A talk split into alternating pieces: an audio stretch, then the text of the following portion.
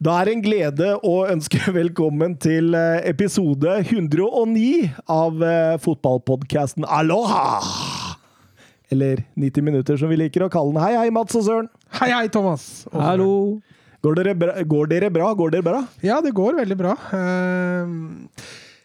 ja, det er så deilig nå for mai, for det er så mange fine dager, sånn fridager, sånn som er inneklemt, og langhelger og Det er litt nice. Det er deilig. Det er deilig. Søren, har du noen inneklemte dager? Ja, jeg skal jobbe på fredag, da. Men det er helt i orden, det. Det er For, jeg får ikke reist noen steder uansett, så kan jeg like så godt jobbe. ja, du, du sier noe. Um, Fotballhelga, var den levde den til forventningene, eller? Det var vanvittig deilig å komme i gang. Mm. Det var det ingen tvil om. Altså, tenker du på Nei, oss? ja, eller tenker, ja, ja, fordi nå snakker vi jo litt utover det vi normalt sett snakker, ja. sånn i starten. Eh, vi spilte jo to kamper. Den ene gikk jo veldig bra. eh, den andre ikke så bra. Nei. Så vi fikk eh, mye, mye å jobbe med framover. Men det er deilig. Da har du et Det er deilig, liksom men jeg var litt skuffa etterpå òg. Én ting er resultatet, det kan man leve med, men eh, jeg var litt skuffa over at vi ikke hadde kommet litt lenger. Men da, da har du noe konkret Da har du noe konkret. Ja, vi har fått et referansepunkt for første gang på, på over et halvt år, så det, det er bra. Det referansepunktet det får ikke jeg før 22. mai. Da sitter vi i gang med vår første. Å, jeg trodde dere skulle spille nå i helga. Jeg trodde det, jeg òg. Men uh, det blei uh, trekking av laget igjen. Dere eller de andre? De andre. Vi er jo, vi er nok. Vi er jo Ja, for dere skulle møte Nei, vi skulle bare internkamp foreløpig. Oh, ja, ja, stemmer. Mm, mm. Men den 22., da møter dere Hakadal. Ja, Mm. spennende. Det blir gøy. Det blir gøy. Søren, eh, din fotball den har vel ikke starta? Langt, langt unna. Tippeligaen er i gang? da? Eh, Raimond tenkte jeg på breddefotballen hans. Oh, ja. Ja, det er jo Breddefotballen er jo død i hele landet akkurat nå. Det er, det er, det Det er, det er trist, og det er en skandale, egentlig. Nå begynner de å dra fram søksmål og sånn, har du sett det? er det jo såpass? ja, men nå, altså, nå har jo en advokat også gått ut og sagt at dette er ulovlig med tanke på smittevernloven, fordi du må ha en forholdsmessighet, og kostnadene er høyere enn gevinsten nå her. Eh, Og nå begynner endelig mediene også å våkne, etter at det har ligget dødt i 15 måneder. Nå kommer jo nå kommer jo mediene å kritisere myndighetene for det, og det er jo jammen meg på tide. Så en eller annen tweet uh, som jeg reagerte på. Uh, det sto det, det, det er lov med 31 russ inni en russebuss, men det er ikke lov med 22 mann ute på en fotballbane. Ja, det var vel, ble vel sagt i debatten. Den var fin. fin. På var det forrige torsdag eller noe sånt, man sa på debatten at russen kan rulle med 31, som vi ikke har anbefalt. Men eh, ja, jeg har ikke sett den sjøl, da. Det må jeg bare si. Jeg har ikke sett den debatten. Det er i så fall veldig, veldig spesielt, Mats. Ja, det er prioriteringer på et høyt nivå, i hvert fall. Eh, Det er ingen tvil om, men sånn har de prioritert nesten hele. Altså, jeg, jeg unner russen en god feiring, ja, altså for all del, men det må da være bedre smittevern eh, i en fotballkamp med 22 stykker ute. Ja, ja, men jeg tror regjeringa hadde kommet langt jeg, hvis de bare godtok at man kunne få trene normalt. Ja, ja. At de Der da tror jeg de hadde fått litt goodwill med en gang. En gulrot, Ja. liksom. Vet dere hva, gutter og jenter, for den saks skyld? Nå kan dere få lov å trene som normalt. Mm. Mm, Da gøy. tror jeg det er mange som hadde slått hæla i taket. Nei, men jeg vet du hva? Vi alle skal vel se fotball i kveld, så vi, vi, vi dveler ikke noe særlig mer med dette. Så kjører vi eh, disse fæle, fæle spørsmåla, Mats. Ja, nei, de er ganske fæle i dag, så i dag skal dere få trøbbel. Oi, oi, oi. Vi kjører litt oppvarming eh, først, en såkalt annenhver gang. Jeg sier på forhånd, jeg har ikke noe ekstraspørsmål, så vi krysser tær og fingre for at dette avgjøres. eh. Da kjører vi uavgjort, så. Vi kjører uavgjort. Skal vi bare bli enige om det, så går vi rett på intro. Rett på intro. Eh, oppvarminga nå, da har jeg 16 navn foran meg.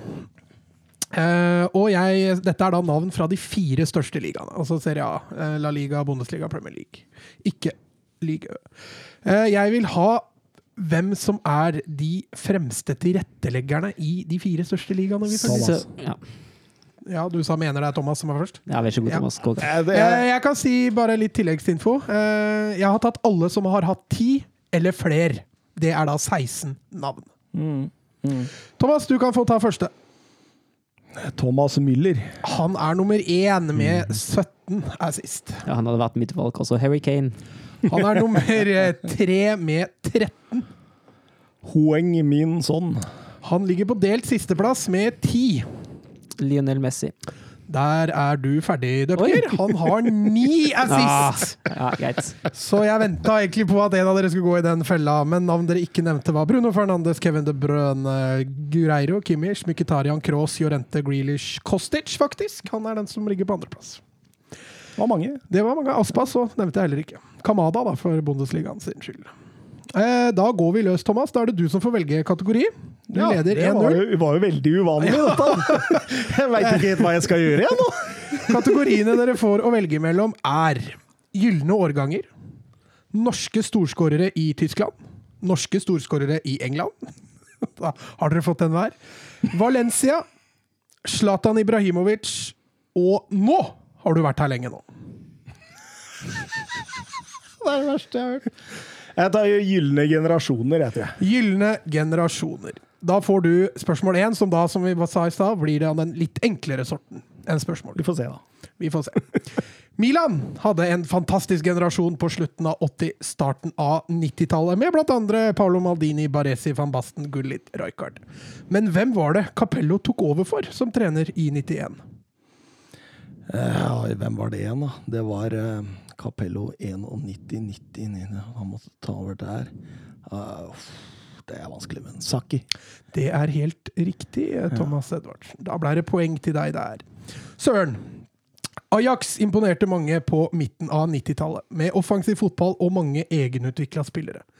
De toppet det hele med å vinne Champions League i 94-95-sesongen. Men hvem var egentlig kaptein på denne gjengen? Herregud. For denne gjengen. 94-95? Jeg kan nevne at han var kaptein flere sesonger enn den ene sesongen. Ja, jeg regnet nesten med det. Oh. Herregud. Det er jo lenge før min tid. Eh, jeg må bare tippe noe Jaap Stam. Det er eh, feil. Han kom også etter denne gylne generasjonen. Ja, han eh, var vel det Vi får sats. Ronald Coman. Det er feil. Det var Danny Blindt som Ah, var far Blind, Far Blind som var kaptein for den gjengen der. Søren, da får du velge neste category. Ja For det er ingen som eh, passer sånn kjempe. meg. vi går på Valencia, vi. Vi går på Valencia. Hvem er Valencias toppskårer så langt i år i La Liga? Ja, det er Gerard Moreno. Nei, vent, han spiller ikke i Valencia. Nei, herregud, det er real, Sorry. er du på Villarreal? Ja, nå er jeg på Via Blonde skikkelig. Ja, bare kjør du, Søren. Um, vi har sluttet å følge dem. Jeg har også å følge dem ganske kraftig. Men dette er det lette. Da bare lurer jeg på hva det vanskelige er. Åh, nei, ja. Oi, oi, oi. Jeg følte det var veldig lett når jeg Ja, tok det, men det er mulig. mulig. Ja, det kan jo hende at Thomas veit det bedre enn meg. Jeg har sluttet å følge så veldig nøye med på Valencia, må jeg bare innrømme. Jeg må bare si Maxi Gomez, det er sikkert feil, men eh, Det er feil. Ja, for det må jo være Carlos Soler. Det er Carlos Soler, det er riktig. Da står det 3-0. Thomas, hvem var trener da Valencia med Jon Carew i spissen tapte på straffespark mot Bayern i Champions League-finalen i 2001? Hva het han igjen, da? Hector Cooper? Ja! Åh, Sterkt, altså! Bra, Thomas. Da er det 4-0. Thomas, du velger neste. Da sier vi tar norske målskårere i Tyskland, tror jeg. Dere kjører på med tyske målskå- Nei, norske målskårere i Tyskland. Tyske målskårere i Norge.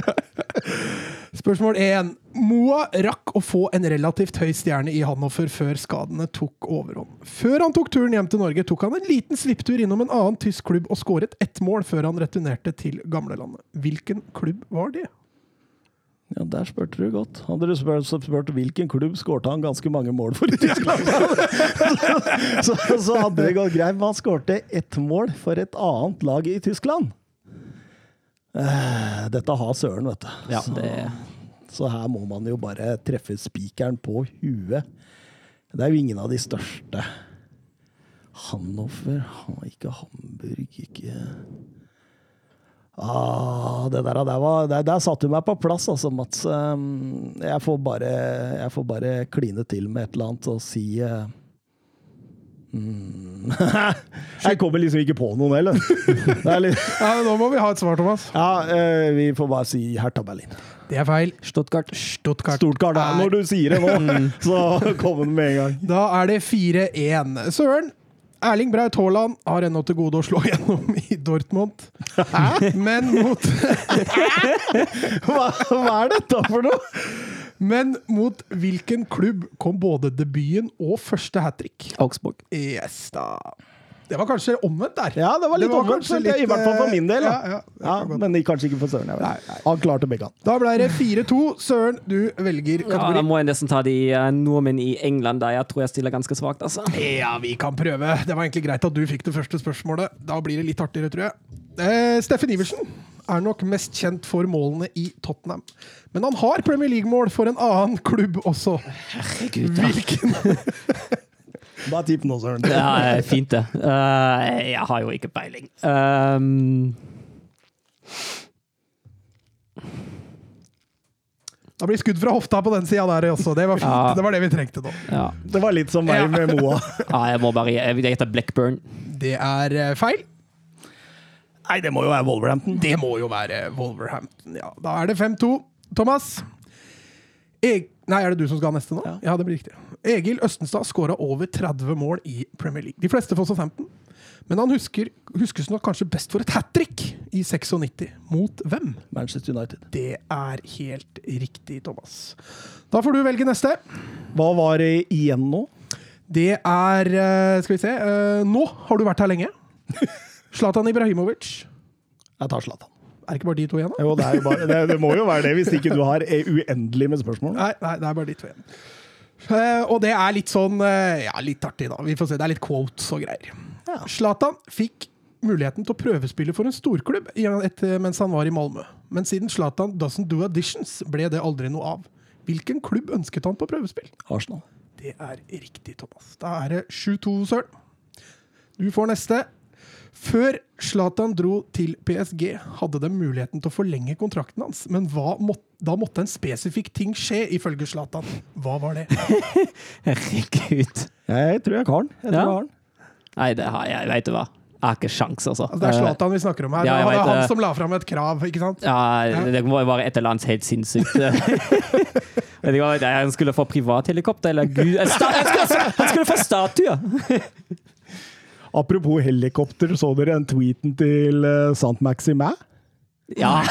Nei, det så jeg ikke. Det er fantastisk, fordi han jubla jo med å, sveive helikopter med penis en gang, han eh, ene tilskueren, vet du. Så Ja, ble ja, han utestengt for alltid. Ja, ja. Og når eh, Newcastle rundspilte Leicester i helga, så skrev han at eh, all pennycopters in, uh, in Newcastle must fly high, high now.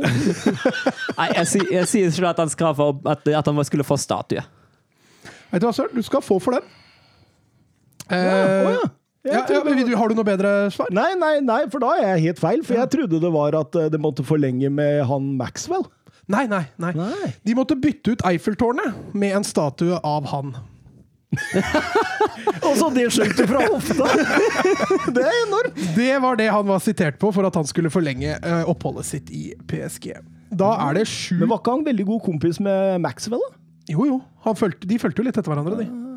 Da er det 7-3. Siste kategori går jo da til deg, Søren. Gjør den ikke det? Jo. Jo. Og det er deilig, for da får dere hvert deres land her nå. Nå har du vært her lenge. Ære. hvilken nåværende trener i Premier League er den som har sittet lengst i samme klubb? Oi, det er et tøft spørsmål. Skal vi se. Altså sammenhengende, da. Ja. Ja. Ja, altså, som er Som er der nå. men, men han bør ikke være i den klubben? Jo. Å ja. Så han er i den klubben og er der nå? Skal vi se. Det er, det er noen kandidater der. Uh, Klopp har jo vært ganske lenge i Liverpool, men jeg tror ikke det er ham. Uh, jeg heller litt mot Sean Dyke. Jeg gjør det. Jeg vet hva jeg sier, Sean Dyke. Det er helt riktig, det, Søren. Da fikk bra, du en 7-4 der. Thomas, da veit du jo neste spørsmål sikkert. Eh, Hvilken nåværende trener i Bundesliga har sittet lengst sammenhengende i én klubb?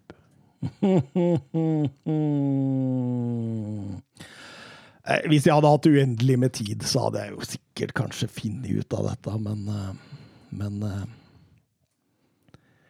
der sparkes det jo trenere i øst og vest, da. Så det må jo Christian Streich. Bra. Bra! Var fasiten på sida der, så da, da får du for den. Da fikk jeg 8-4, Thomas. Å, dæven, jeg vant! Gratulerer. Det er sjukt! Nå, se på premien din. Hæ? Er det sånn køddepremie, da, eller? Nei, nei. Du skjønner det at jeg var jo på butikken i stad og skulle kjøpe premie. Ja. Og og så kom det ei gammel dame eh, og lurte på hvordan, disse auto, altså hvordan du betaler, da. For det var jo på de der selvbetjenende automatene. vet du. Og jeg snudde meg og begynte å prate med henne. Da ramla jo posen min, og da datt jo syltetøyglass ut og knuste. Ja. Så jeg blei jo skikkelig flau.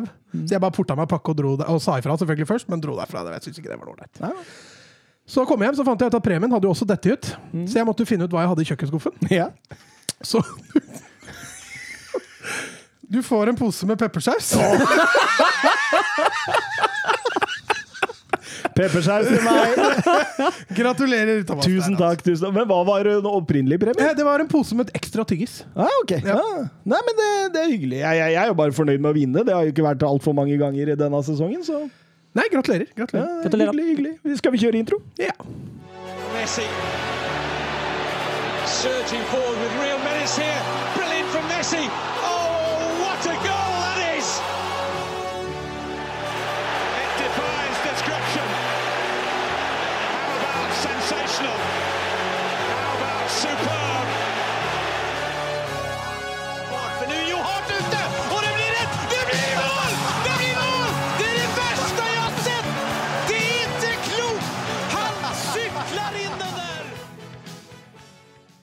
Ja ja, da, da setter vi over til Premier League. Vi setter over til Ellen Road og kampen mellom Leeds og Tottenham. Mats.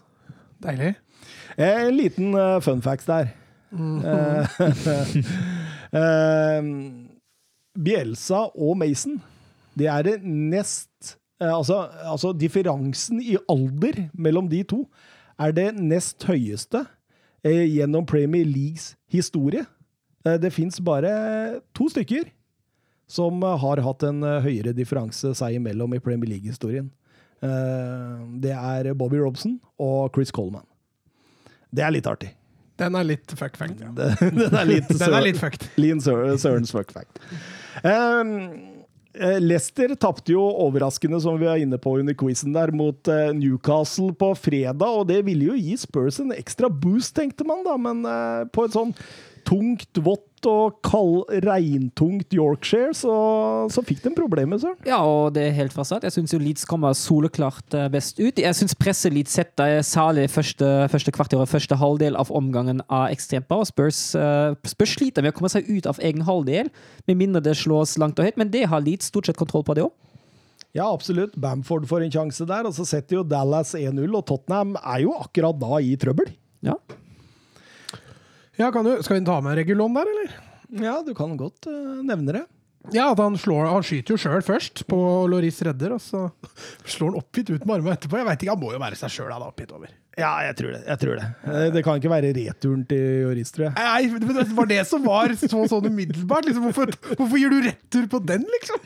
Det er, det er så vanskelig når ballen piskes hardt mot bakerste, og så står du med ansiktet mot egen keeper, og du veit du har en rett bak deg. Det er, det er, det er eh, forsvarers mareritt, det.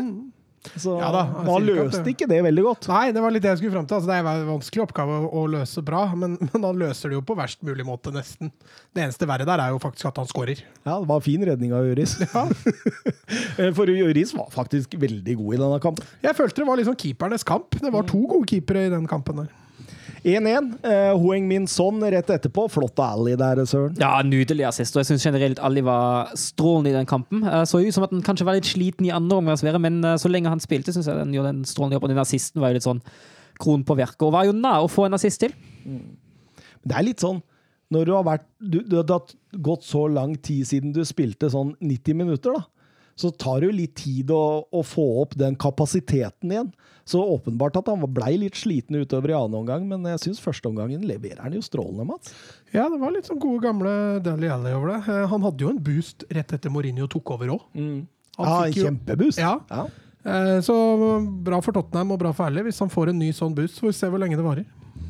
Så tror jo alle at eh, Kane setter 1-2 der. eh, offside. eh, marginalt var måtte inn, og de linjene ligger på akkurat oppå hverandre. altså.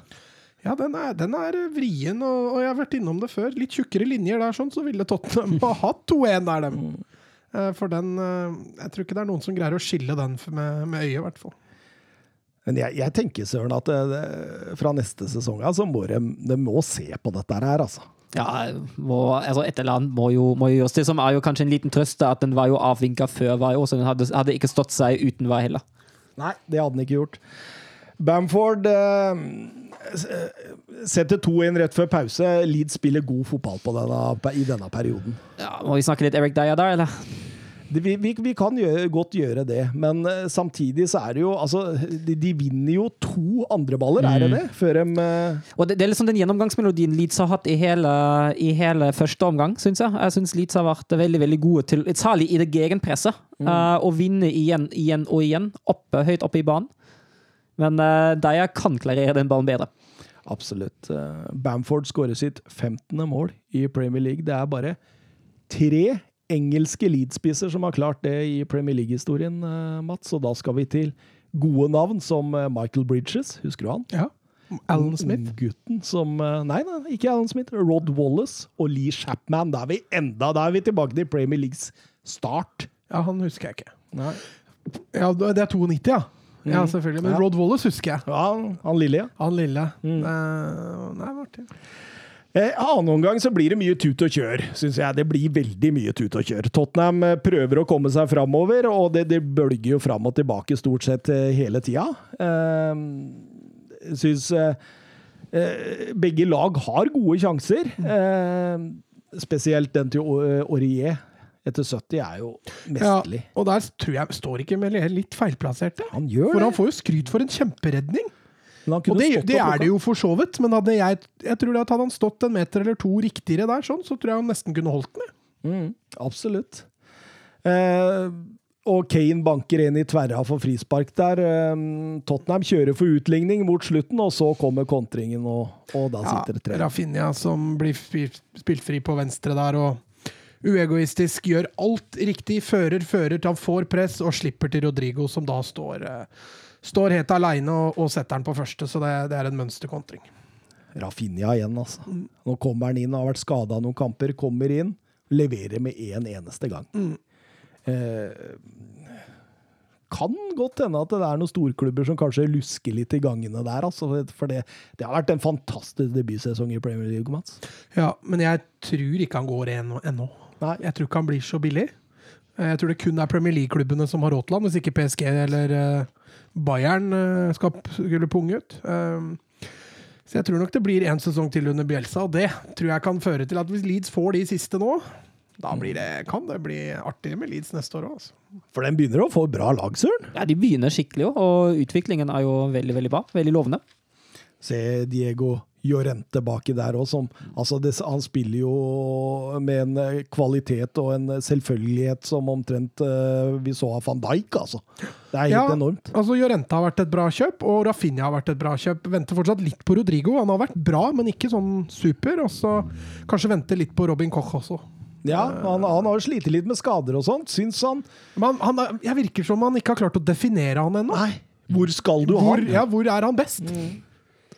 Eh, han spilte mye defensiv eh, midt i Tyskland, Så. Han gjorde det. Spilte både defensivt midt og, og midtstopper. og Det er litt sånn, det er jo de to posisjonene han kan brukes på. og Jeg veit ikke om han sjøl veit engang hvor, eh, hvor han er best. Det bør jo Bjelsa vite.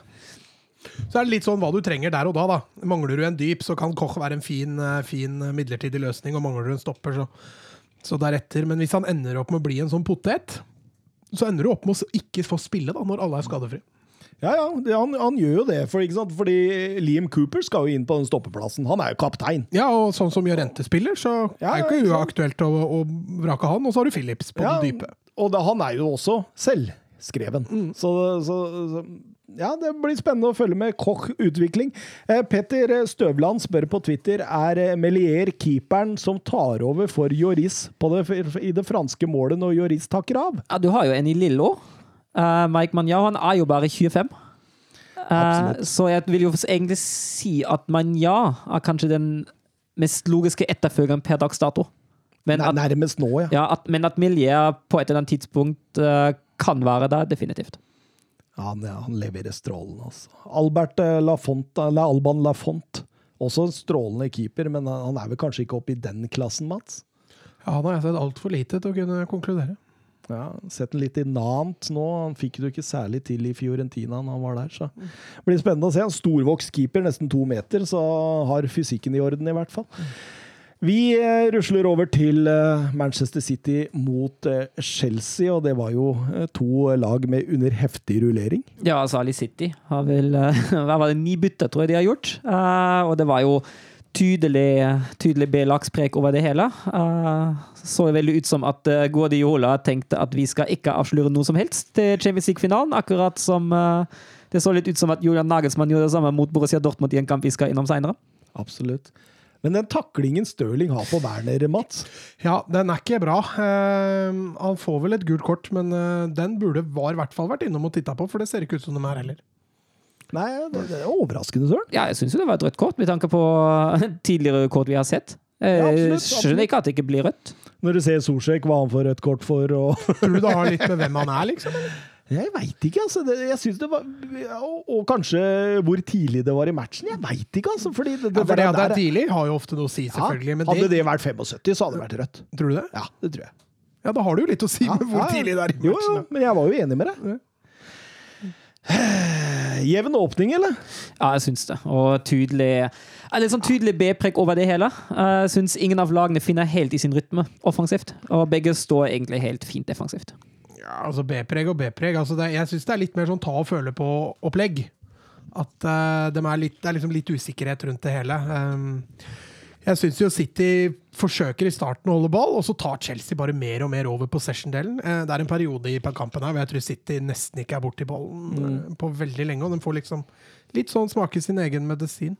Og det er jo Chelsea som rullerer minst på laget. Så eh, jeg vet ikke om det kanskje hadde noe å si i forhold til det. Ja, altså, For Chelsea den kampen er viktigst òg.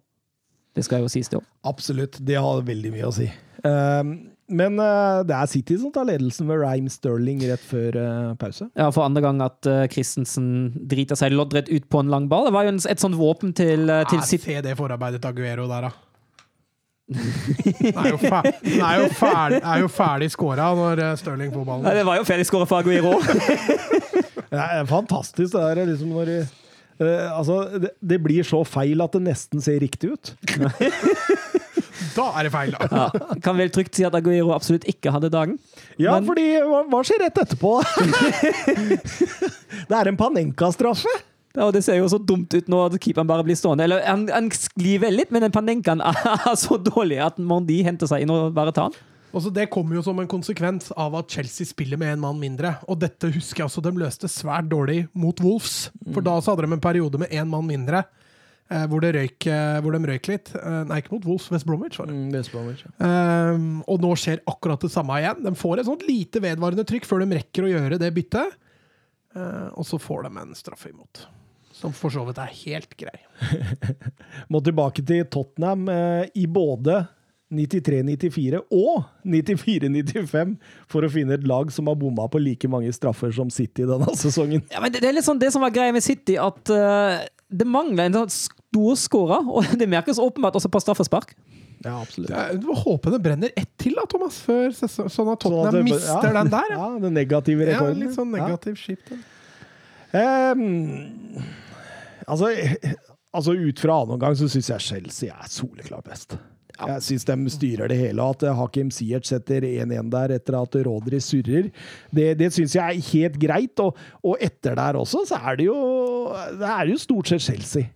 Ja, og jeg syns han gjør et godt bytte der. Altså, jeg var litt skeptisk når han tok ut Kanté. Tenkte at her kommer dere kanskje til å miste det lille overtaket, for Kanté var igjen eh, Strålende. Han var over hele banen. Eh, Men det at han får inn Jorginho, det gjør at de kontrollerer banespillet ytterligere. De får inn en litt mer kreativ type fra, fra dypet, eh, som gjør at de i større grad greier å, å befeste banespillet høyere i banen. Så jeg veit ikke, det, jeg tror kanskje byttet var planlagt, men uansett så kom de heldig ut av det.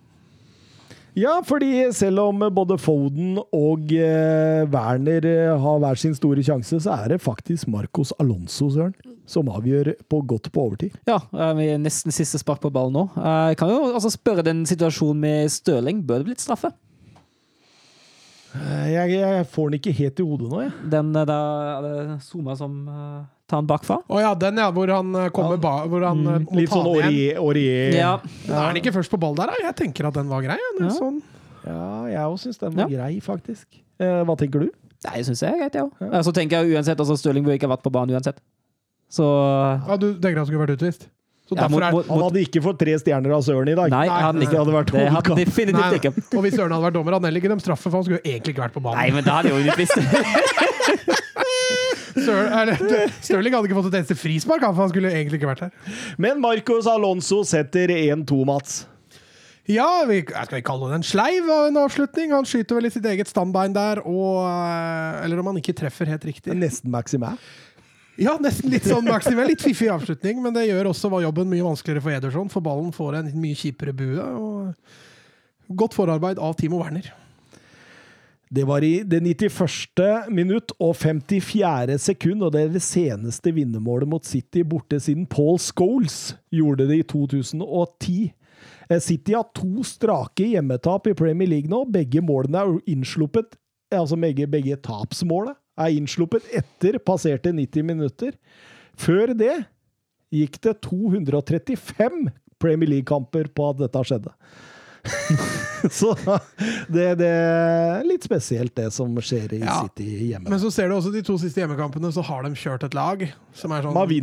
La Liga, eller La Liga, nå skal du høre. Eh, Premier League-lag, kan vi kalle det det? Eh, de Premier League-lag og Champions League. Ja, helt riktig. Men nå kommer jo Premier League-laget til å spille Nei, Champions League-laget til å spille Premier League framover, tror jeg. Uh, For nå er det jo ikke noe mer Champions Nå, League. nå, nå må de stund. eh, spille seg i form, i hvert fall, så han kommer til å spille troppen i form. Ja. Men Chelsea de har litt andre ting å tenke på. Ja, de må jo sikre topp fire, i hvert fall. Eh, det, og det er derfor den seieren var så ekstremt viktig. De uh, utnyttet jo Leicesters uh, ja, tap mot Newcastle. Ja, absolutt. Ja, så har de en FA Cup-finale da, om, om Ja. det er vel to uker. Så de har eh, enda en, eh, enda en pokal i bakhodet. Det blir kjør for Tuchel nå. Eh, På Twitter, eh, Man City Riti kan spørre hva må Pep endre på for å sikre seg Champions League. Ja, jeg føler jo egentlig at det han kanskje bør gjøre, er å ikke endre veldig mye før Champions League-kamper. Det var jo liksom det forbannelsen han hadde de siste rundene, at han endret altfor mye i et egentlig fungerende lag. Og jeg syns jo City er et fungerende lag. Jeg syns jo siden oktober, siden høsten i fjor, har City vært Europas soleklart beste fotballag. Uh, og jeg tenker jo egentlig at få, få de i det rette sporet.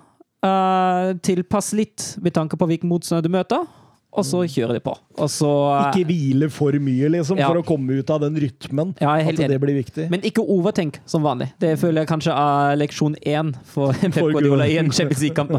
Fordi han har jo hatt en tendens til å eksperimentere seg ut av Ja. både kvart- og semifinaler med City tidligere, så jeg tror det er litt sånn som Søren sier, at han, han kan ikke eksperimentere for mye i en finale, eh, og prøve å ha de gutta som skal spille, i kampform når de kommer til finalen. Deilig mastermind. Da skal alltid bli bedre. Selv om det er en semifinale i Champions League, så, så skal man finne nøkkelen, finne løsninga. Og det, ah, det blir morsomt å se hva han gjør nå. Kanskje han putter Aguero på høyre bekk. Det er vanskelig å si. Nei, akkurat det tror jeg vi kan uh, konkludere med at det gjør det ikke. Men det er klart, han ville jo ikke gi Tuchel noe gratis her, i hvert fall. Og, og um, jeg, Men de fikk jo spille overraskende lenge, da. Fytte gris når han sleit mot Reece James. ja, han gjorde det. Han gjorde det. At han fikk lov å stå 80 minutter, det var uh... Det, det hadde han ikke gjort om uh, dette hadde vært litt mer Hva tenker jeg? Altså, litt mer på spill. ja. Uh, nei, for Reece James hadde ordentlig overtaket på, på Mendy. Altså, han gikk fem på hver gang. Verre enn Ronny fra Lillestrøm. Altså. Eh, Twitter, eh, Nico CFC, åpenbart Chelsea-fan. Hva mener dere er den beste angrepstrioen til Chelsea? Den er tøff, for der er er mye å plukke av. tøff. Den, Men- eh, det er et godt spørsmål. Akkurat nå hadde jeg hatt lyst til å ha, å ha Havet som falsk nier. Jeg syns han har overbevist deg under Toril de siste ukene. Jeg synes han har vært strålende, så akkurat nå hadde jeg satt Havertz der. Jeg har satt Mason Mount, selvfølgelig, uh, i en av de to posisjonene bak Havertz. Og så tror jeg kanskje akkurat nå hadde jeg tatt Pulisic. Jeg hadde tatt Werner. Jeg syns Werner og, og Havertz har en strålende link. Uh, det blir ofte farlig når de Men to hvem vil du ha ut av Pulisic? Ja. Oi, oi, oi. Ja, han hadde jo ikke noe bra innhopp mot City heller. Nei, Nei, men Werner var ikke særlig bra mot City heller. Nei, men han har litt matchavgjørende involveringer. Han skårer ikke mye Men, mål. men Det er samtidig vi- så er det jo altså, Det som er problemet her, da, det er jo det at eh, både Werner og Havertz er best i den samme rollen. Mm. Så, så Nei, han, Jo, Timo Werner det- best. det- Ja, men altså, han er best har- som spydspiss. Han er best framme. Ja, Werner, ja. Ja, og Ja. det er jo Havertz òg. Han er best som en eh, Men han blir best som en falsk nier. Ja, ja. Så det blir jo to forskjellige roller. Men de, de spiller jo i denne altså på en måte, la oss kalle det trekantformasjonen på topp, med to litt bak. eh, Ja, men Det er derfor jeg vil også ha inn Werner, for å ha en bakromstrussel. For kjører du inn Pulisic, Mount og Havertz, så får du på en måte tre møtende, da. Syns du Pulisic er så møtende, altså? Det er ikke ofte jeg har sett han eh, på tur inn i bakrom. Jeg, Jeg syns jo Havertz stikker en del her nå. Ja. Jeg syns Havertz er veldig god til å variere spillet sitt. Der. Nei, men, det, men eh, at, at det skulle bli eh, uenigheter her, det, det, det skjønner man, fordi det er jo et voldsomt lag. Jeg skal ha voldsomt ja. ja, du har jo Abraham inn i miksen der, du har Siers, Sears, du har Callum Hudson-Odoi, selv om han blir jo også noen ganger brukt på vingbekken. Jeg veit ikke om han tør det i en Champions League-finale. Nei, og den, eh, der også får han jo et, et luksusproblem. Altså Skal han bruke Aspilicueta som en tredje stopper eller wingback, og da må han i så fall vrake James, da. Ja. Nei, men jeg tror, jeg tror det blir Aspilicuelta som, eh, som en tredje stopper, altså. Ja, Christensen har jo ikke overbevist de siste kampene. Nei, altså Og Thiago Silva vil jo helt sikkert ha inn. Mm. Og da står det jo mellom Kurt Zuma eller Rudiger da, på den siste. Og det virker nesten som Rudiger har litt vunnet i den. At han, i hvert fall han spiller de viktigste kampene. De to siste kampene hvor han tar noe offensive raid. Ja. Så står han i knestående i tre kvarter etterpå, for han er så sliten. Vi går over til Anfield og eh, Liverpools eh, kamp mot eh, Southampton. Det blir jo en artig fotballkamp. Jeg Ja, syns ja, Liverpool Liverpool spiller strålende i første omgang. Det syns jeg Southampton tidvis gjør òg. Det var noen potensielle overgangsmuligheter der. og ja, Det er, men er en god Alison unna å slippe inn et mål der, Liverpool også. Men jeg er helt enig med deg. Liverpool kommer best fra det i den første omgangen. At, at de ikke leder mer enn 1-0, tenker jeg, syns jeg, synes jeg er bare merkelig. altså. Ja, og jeg, jeg syns den lenken uh, mellom, uh, mellom Mané, Salah og Jota den var virkelig til stede i denne kampen. Det var virkelig bra hvordan de tre spilte sammen. Hadde du bytta ut Yota med han Firmino, så kanskje det hadde blitt noe. Forresten, jeg fikk eh, tilbakemelding fra Glenn etter forrige diss av eh, Shota. så han eh, lovte oss å sende inn noen ord tilbake i denne, til denne episoden, men det, det kom aldri. Han, Er ikke Twitter nede? Jo, kanskje, kanskje det er derfor. Ja, Twitter har jo- har vært nede siden jeg dro hjemmefra, i hvert fall. Det er tøft. det er tøft. Eh, men men eh, Mané, da. Eh, det er jo Fabinho som plukker, plukker opp klareringa der og bruker Sala ut, og den skip-innlegget på bakerste fra Sala der, det er jo enestående. Ja, og Mané, som egentlig er 1,70 høy, kommer øverst. Det er- litt typisk han, altså. Men problemet var jo det at Eller problemet, altså fordelen for Mané var jo det at han han møtte var 1,65. Ja da, Så- For all del. Eh, Men jeg hørte kommentatoren sa at dette var første gang de to kombinerte sammen i år. ja, stemmer det. Og det. det er jo litt spektakulært. Det er litt spektakulært når du veit at eh, Kane og Sona 16 og Jo, men når du veit hva de to gjorde sammen i fjor De to også hadde mye frustrasjon seg imellom i fjor også, altså. Eh, Hvor man valgte skudd istedenfor pasning. Men, Spesielt i den ja, men det, ene det, retningen. det, dette sier litt om Liverpools utfordring offensivt òg. Ja. At du har to offensive spillere som har spilt såpass mange kamper sammen, og ikke har assistert hverandre en eneste gang. altså. Men det var en morsom kamp. Og jeg, men jeg følte jo sånn for hver Southampton-sjanse så hadde Liverpool tre. Det var litt Ja, sånn. ja, jeg er helt enig. Og stort sett, det skal jo sies, altså jeg er helt enig med Mats at Southampton hadde noen veldig fine overganger og veldig fint spill, men stort sett syns jo kontringssikring og gegenpressing til Liverpool fungerte ganske godt. Ja, og Bafemi var herlig spill. Ja, nydelig. nydelig. Der er det spinner, altså. Eh, kunne jo gått gærent når Alison finner ut at jeg skal sentre rett til Shay Adams ut i annen omgang. Det er sånn City, eh, City-minnepasning der. Men eh, mot slutten så er det Mats sin favoritt nummer én. Tiago. Nei, nummer to, kanskje. Nummer to etter Messi. Ja. Ja. Fotballspiller nummer to i verden etter Messi. ja, hvis du ser spillende spillere, holdt jeg på å si. Ja, sånn kjærlighet. Ja, ja.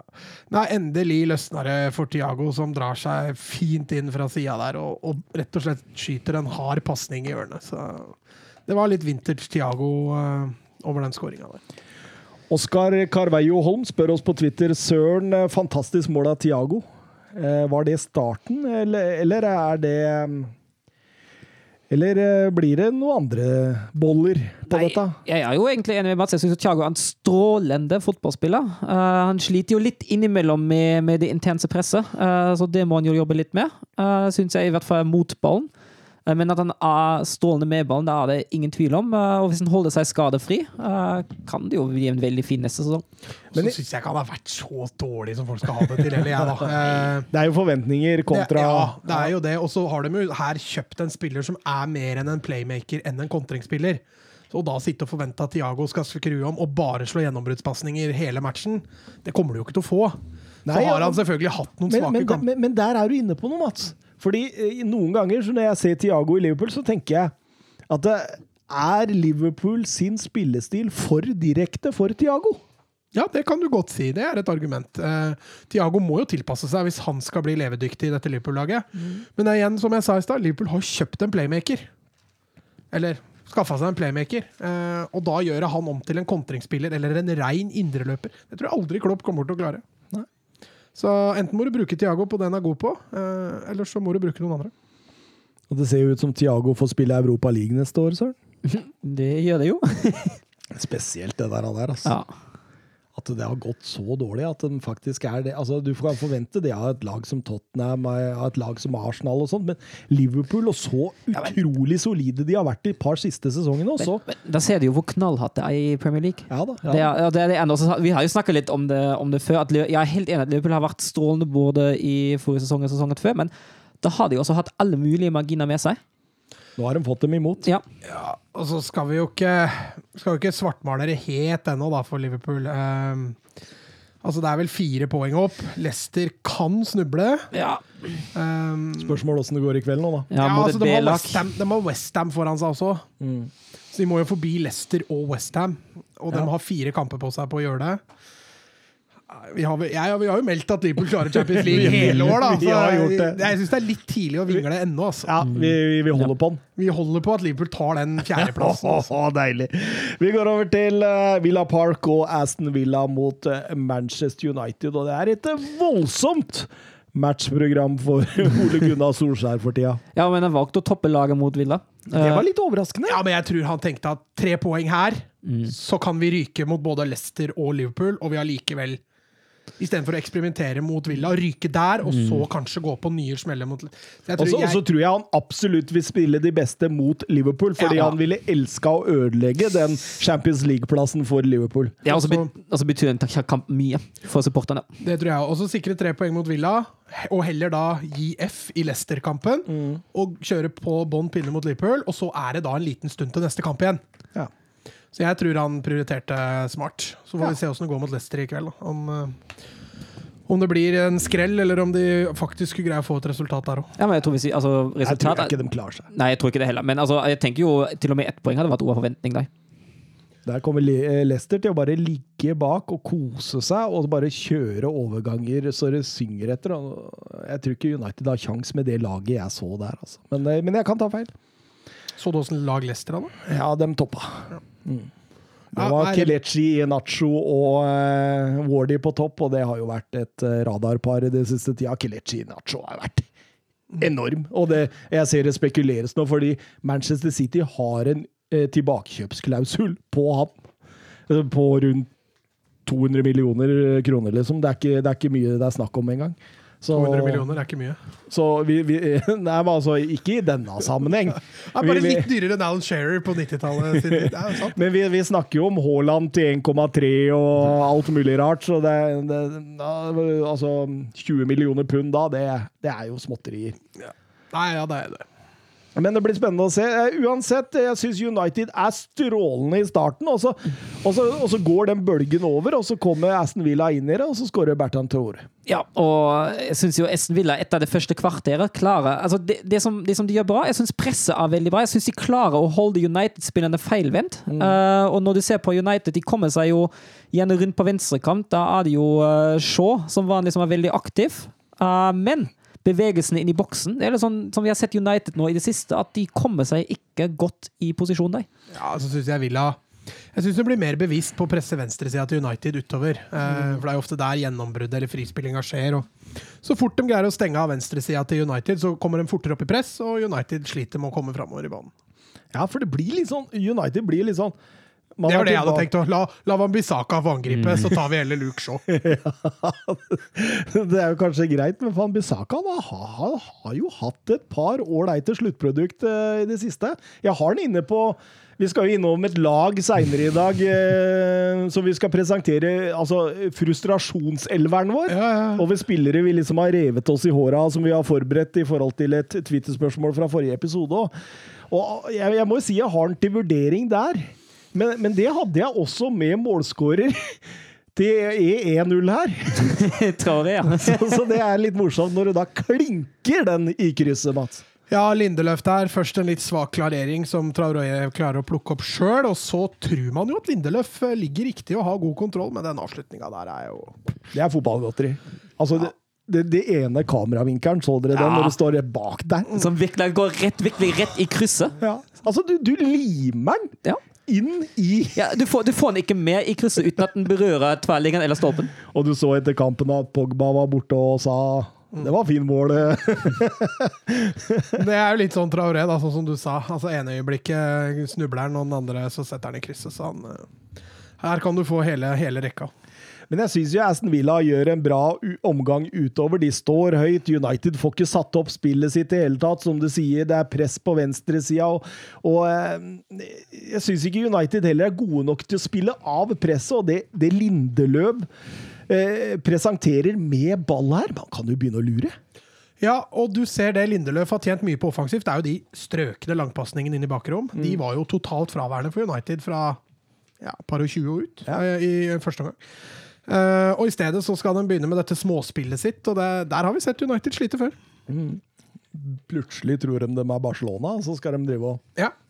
Selvtilliten var på plass, og så fikk de en smell. Og så Samtidig så ser du det når de kommer seg til de riktige posisjonene. Når Aram Van Bissaka kommer rundt, når eh, Luke Shaw kommer rundt, når eh, Fernandes eh, som sjelden fikk ballen i mellomrommet her, når han kommer inn i mellomrommet der og så, Det er ingen eh, foran mål Nei, og det er liksom det, det, er som det jeg mener med bevegelsene. Det før Kavani.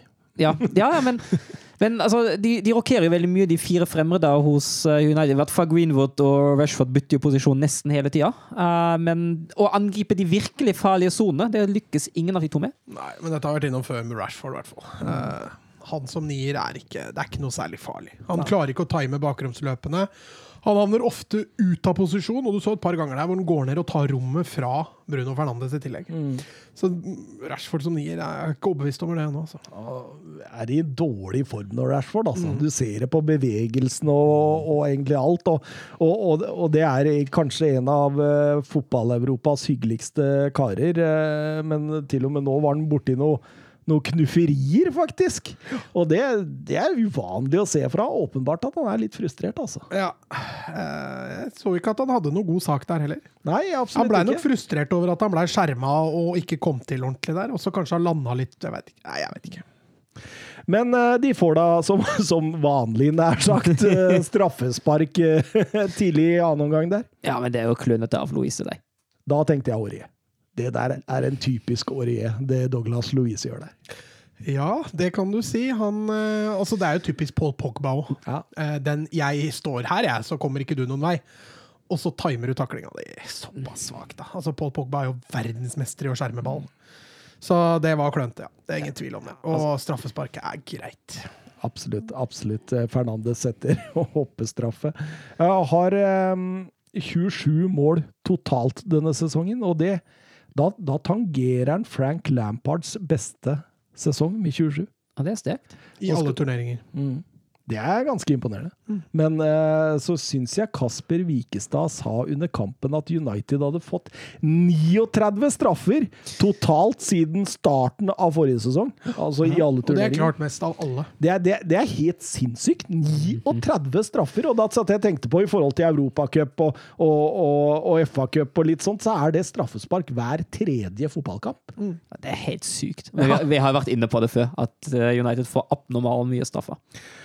Eh, og, og, og det er jo for så vidt greit når de er fortjent. Eh, Når, når, når, når det ikke er sånn som eh, Bruno Fernandes fikk forrige gang han møtte Aston Villa på Villa Park, men at, at det er sånn som nå. Men ah, du, du får Og litt sånn guffen følelse, er det det du sier? Ja, fordi ah, når du ser da at det var Mason Greenwood og den Hensen som ikke gir straffe til Villa mm. ikke så lenge etterpå. For den er jo soleklar. I forhold Ja. til åssen man dømmer Hens. Ja, men har den vært soleklar de siste månedene? Ja, jeg syns det. For det er både avstand og arm langt ut. Altså, Hvem er det som fikk den imot seg nå? Eh, når, jo, det var Real Madrid som fikk den imot seg. men, eh, Militao. Ja, det var litt sånn ryggen til, armen ut fra kroppen. Men før dette da, så skårer Mason Greenwood eh, nydelig satt av Greenwood. Litt svakt av Mings. Ja, fryktelig svakt av Mings. og Jeg syns jo Villa i løpet, av, i løpet av kort tid har klart å rive egentlig ned en hel den gode første omgang. Ja, Det er fryktelig svakt av Mings. Jeg syns han er litt eh, naiv, jeg. At han, at det virker som han ikke tar Greenwood som en særlig trussel når han drar seg inn med godbeinet der for skudd. Syns det er merkelig forsvarsspill av Mings, eh, men eh, ditto bra av Greenwood. Mm, absolutt. Du ser Greenwood bare får en liten sånn kontakt med en. Der har jeg deg, og så vender av, og så skyter. og Du kan stille spørsmålstegn med Martinez òg, syns jeg, akkurat der, altså. Han bør være nøye. Ja, men det største spørsmålstegnet er Minx. Ja, absolutt. Absolutt. Ehm, ja, og, og Dean Smith han er litt rådvill på sida der. Han putter inn Wesley, han putter inn Kenan uh, Davies, og åpenbart nå skal det kriges masse muskler inn der. Og, rart Barkley fikk spille så lenge. ja, det Jeg syns han var helt usynlig. altså. Det er vel et eller annet med det med Barkley, om at uh, plutselig så kommer det. Han har den lille attributten ved seg, da. Ja, jo. Så, men uh, Villa går for det å fylle boks og kjøre på, men da, da, da sier United takk for følget og setter 1-3. ja, det er Marcus Rashford som legger strålende til rette for, for Cavani. Og endelig har United en nier i, i boksen som gjør gode løp. Og da, Se de bevegelsene. ja, men se den kula da, fra Rashford. Nå hakka vi litt på den i stad. Der fortjener han eh, sånne skuddinnlegg som er lett å time for spissene hvis løpet er bra. Så strålende scoring. Oli Watkins, to gule. Det siste for filming. Syns det var litt strenge. jeg. Jeg syns det var litt strengt, det òg. Det går an å la bare den passere. Ja, ja, det er det jeg Altså, tenker. Ja. Han kaster seg jo for all del, men det, er- altså, det, var, det er jo ikke noe argument for at man gir straffespark, men det er jo kontakt der. Eh, og da tenker jeg bare, som Mats sier, bare la han gå. Det er ikke noe Det er forskjell mellom Altså, ikke alt som ikke har straffespark, er filming. Og jeg Nei, tenker nei. det er en stort spekter der som man bare kan la gå. Hadde dommer Kavanaugh gjort det samme hvis Bruno Fernandes hadde gjort det på andre sida? Tvilsomt. Det tror jeg òg. Uh, er- men det er litt sånn hvordan man reagerer hvis det er engelskmenn. Hadde dette vært en sydamerikaner eller en spanjol Ja, eller et eller annet Nei, Det er helt greit med gult her, for han hadde sikkert ligget og rulla etterpå Ja, i tillegg. Det har litt med kultur å Ja, det var litt med kultur. Det var helt greit. Få den ut! Og så er det en engelskmann som gjør det, så er det bare jeg kunne latt den gå, da. Det var ikke, var ikke så ille. Det er litt, rasist, Ja, ja, ja, Det er litt sånn rasistisk. Jeg, jeg ser poenget ditt. Litt- er Ikke rasistisk, men litt diskriminerende kanskje overfor ja. Ja, vi kan godt si det sånn. Um, Twitter, van Dahl, hvorfor eh, sitter jeg alltid med en følelse over at United har fått et lite dytt av dommeren i riktig retning hver eneste kamp? 39 straffespark. Er, ja, og, og litt historie, og litt Fergie-time og litt sånn time. Time. Time. time. time. Ja, det var, det var elegant. Det, ja, Ja, de har, eh, man sitter gjerne ofte litt at United får det ekstra tilleggsminuttet de trenger. De får den straffa når de trenger. Og mye av det syns i hvert fall jeg er fortjent. Men så har du en del situasjoner som Og det vil det alltid komme. Ja. Det, det vil komme at Tottenham også får et ufortjent straffespark, eller Arsenal eller Everton. sant? Men jeg føler jo altså det med det ekstra minutt tillegg Jeg føler jo at det er litt sånn som det er Men du... nå du fant vi jo tidligere ut da, at det, Ja, var, mer på Anfield. Ja. Men jeg føler jo også generelt det er litt sånn når det er et storlag. For jeg, ser det, jeg tenker jo det samme i Tyskland, at ja, nå får Bayern fem minutter istedenfor alle andre som bare hadde fått fire. Jeg føler litt sånn det er når du Jo større klubben er, desto lettere er det å dømme den veien. Helt klart, helt klart. Man bryr seg ikke så mye om VBA. Får eh, et ekstra minutt i forhold til hva man hadde trodd, men hvis United får det og de jager, så blir det mye større i bevisstheten vår. Ja, gjør det. Eh, vi må Apropos VBA. Den, God overgang. de, de, de var på, på besøk eh, på Etiad? Nei, ikke Etiad, på Emirates. Emirates, ja. Eh, beste medisinen etter å ryke på torsdag var å slå tilbake, sa Arteta. Syns dere han gjorde det? Resultatmessig gjorde han det, uh, men jeg syns jo Arsenal starta dårlig. Uh, jeg syns det er VBA som starta bra. Uh, det tar litt tid før Arsenal får kontroll på, på den kampen der også. Ah, Mateus Pereira. Ah. Det er en nydelig fotballspiller. Håper han ikke blir med ned, ass. At det er noen som eh, punger ut for han. Men jeg satt og tenkte det, hvis du er nyopprykka lag i Premier League og sånn, så, så får du nå, og så får du La, la oss si Norwich, da. Norwich som har Emi Buendia i laget sitt. Og så bare hente Pereira også, og så kjøre de to på hver side. det hadde vært moro, det. Det hadde vært moro. Ja, og det er jo litt typisk Norwich òg, kunne spilt med to sånne. da. Ja. Eh, Farke er jo ikke UF-en for å både eksperimentere og, og kjøre på den måten, så det hadde jo vært spennende. Tenk hvor deilig vi får Buendia tilbake i Premier League. altså. Ja, det blir gøy. Det blir veldig fint. Jeg gleder meg generelt Norwich. Norwich er jo et morsomt fotballag. Absolutt. Absolutt. er synd de mista Godfrey og, og Jamal Lewis. Det var to kjæledegger, det òg.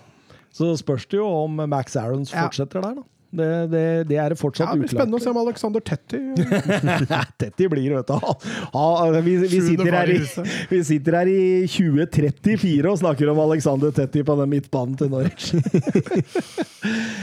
um, godt, det kan godt hende Mats nevner Tetti seinere i dag. Å ja, ja. Frustrasjonseleven. Ja, den, den er sant. Ja, satt ved siden av deg eh, når du var relativt frustrert over. Alexander Ja, stemmer. stemmer. Det var en til der fra Trøndelag som frustrerte meg litt. Og han var jeg nemlig med. Men eh, Arsenal eh, jobber jo hardt for å ta kontrollen eh, i matchen, og åpenbart så er jo det for å begynne å kontro kontrollere possession i spillet, og du ser jo det at de klarer jo det etter hvert, å begynne å holde litt på ball og få VBA til å løpe litt mer, og, og strekke litt på dem. Ja, eh, og så hjelper det også at eh, at PP begynner å løpe litt mer på bakover, fordi det første kvarteret som PP hadde, det var helt skandale. Det er litt PP, denne. Ja, det er det. det er, jeg, føler at, jeg føler vi har sett PP både på sitt verste og på sitt beste i løpet av i løpet, egentlig første halvtime i den kampen. Det var jo, Arsenal kjøpte jo sikkert ti sånne mål i året når de kjøpte Pepe, trodde de. Ja. Og så får de én annethvert år, ikke sant. Eh, og det er jo litt det som er med Pepe, da. Eh, Ja, så får du, altså, når, du får, når du får den defensive oppførselen som du fikk første kvarter i den kampen, da da er det en dårlig deal. Ja, men jeg tror nok Arteta ikke var happy med det. Jeg tror han må jo ha fått noen beskjeder, for han blei jo mye bedre. Ja, han blei strålende etter hvert. Men eh, Emil Smith-Rowe gjør 1-0. Nicolas PP gjør 2-0. Ganske kort tid etter hverandre der. Ja, og den 1-0-skåringen. Altså, at den kommer via venstresida, det er jo ikke noe overraskende. Det var jo Arsenals uh, angrepsside nummer én, og Saka han, Jeg vet ikke hvor mange ganger han stakk i, i, det, i det bakrommet bak, eh, bak bekken og, og midtstopperne. Det var sikkert en del ganger. Så eh, Så eh, Eller så, det gjorde jeg ikke. Jeg hørte eh, en, en fabelaktig podkast, forresten. Skivatse med han Tor Christian Karlsen. Eh, de kåra jo de 25 største talentene født etter 2001, var det det? Eller to, ja, et eller annet sånt. Og der var Saka nummer tre. Er han så talentfull, Mats?